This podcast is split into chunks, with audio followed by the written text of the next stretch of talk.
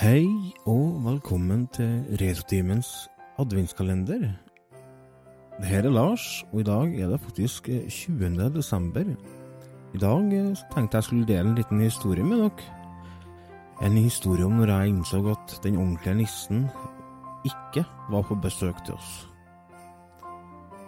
Vi skrur oss tilbake til 80-tallet. Jeg og lillebroren min gleder oss til jul. Ut er det snø, og som jeg husker det, så var det en perfekt vinter. Akkurat nok snø til å lage snøhule, gå på ski, lage snølykt og alt annet artig som en kan gjøre når det snør ut. Det har endelig blitt julaften, og vi våkna selvfølgelig tidlig på morgenen. Det er fortsatt helt stille i huset. Vi står opp og lister oss bort til trappa i bærfotene. Det første som møter oss når vi går ned med hver vår julestrømpe i handa, er lyset fra det fine juletreet som står i hjørnet i stua. Fullt av glitter, julekuler, julelys og heimlaga julepynt. Det knitrer i vedovnen, og vi veit at i dag er sjøle dagen. Julaften. Dagen da nissen kommer på besøk. Vi setter oss ned i sofaen og et julegodtene våre fra julestrømpa, som for øvrig er en god gammeldags heimstrekka raggsokk som farmor har laga. Donald og gjengen er på TV-en. Klokka går. Askepott, hun flørter med prinsen. Klokka går. Seint! Vi får dagen til å gå, merkelig nok. Vi leker oss og har det artig, som bare unger kan, og etter hvert så ser vi at det begynner å bli mørkt ut. Nå er det snart tid for vår faste tradisjon. Helt siden jeg var bitte liten, så brukte vi å sette ut graut til nissen. Nissen må få mat, for han reiser langt, og skal han orske å fare over hele verden med gaver, så må det graut til. Helt i starten så brukte vi å sette ut graut til nissen på låven, for vi var så heldige å ha et gammelt fjøs på tomta. Et gammelt et, et som ikke har vært i bruk på mange, mange, mange år, men som vi brukte mye når vi leika, og selvfølgelig når vi satte ut graut til nissen. Men nå hadde farsan revet fjøset, for han drev og pussa opp. I stedet for fjøset så hadde vi nå en fin benkplass med tak over på gårdsplassen som vi brukte når vi satte ut grauten. Der har pappa tent fakler, og det kribla godt i magen når vi tok på oss jakken og ble med ut med en stor porsjon rykende varm julegraut. Med smøraug, selvfølgelig.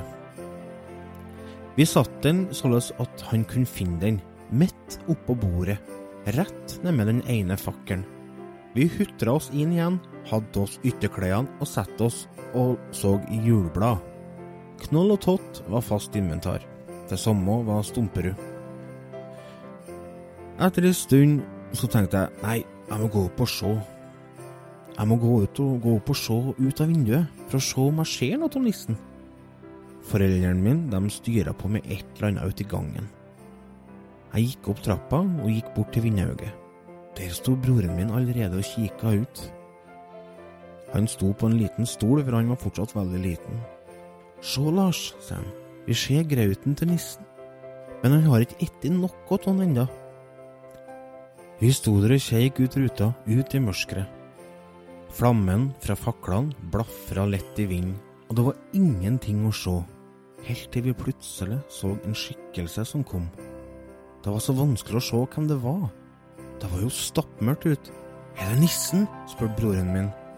Jeg ble så gira, jeg ble helt skjelven. Jeg fikk endelig sjansen til å se nissen som spiste av grauten sin. Den mørke skikkelsen kom nærmere og nærmere og nå var han faktisk bare et par meter unna faklene og grauten.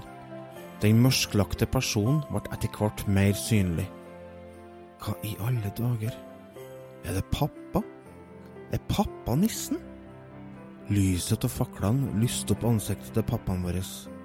Han tok kjapt tak i grautskåla, kikka seg rundt og småjøga tilbake mot huset. Jeg og broren min kjekk på hverandre. Hva i alle dager? Er pappa nissen? Inni meg så ble jeg litt lei meg.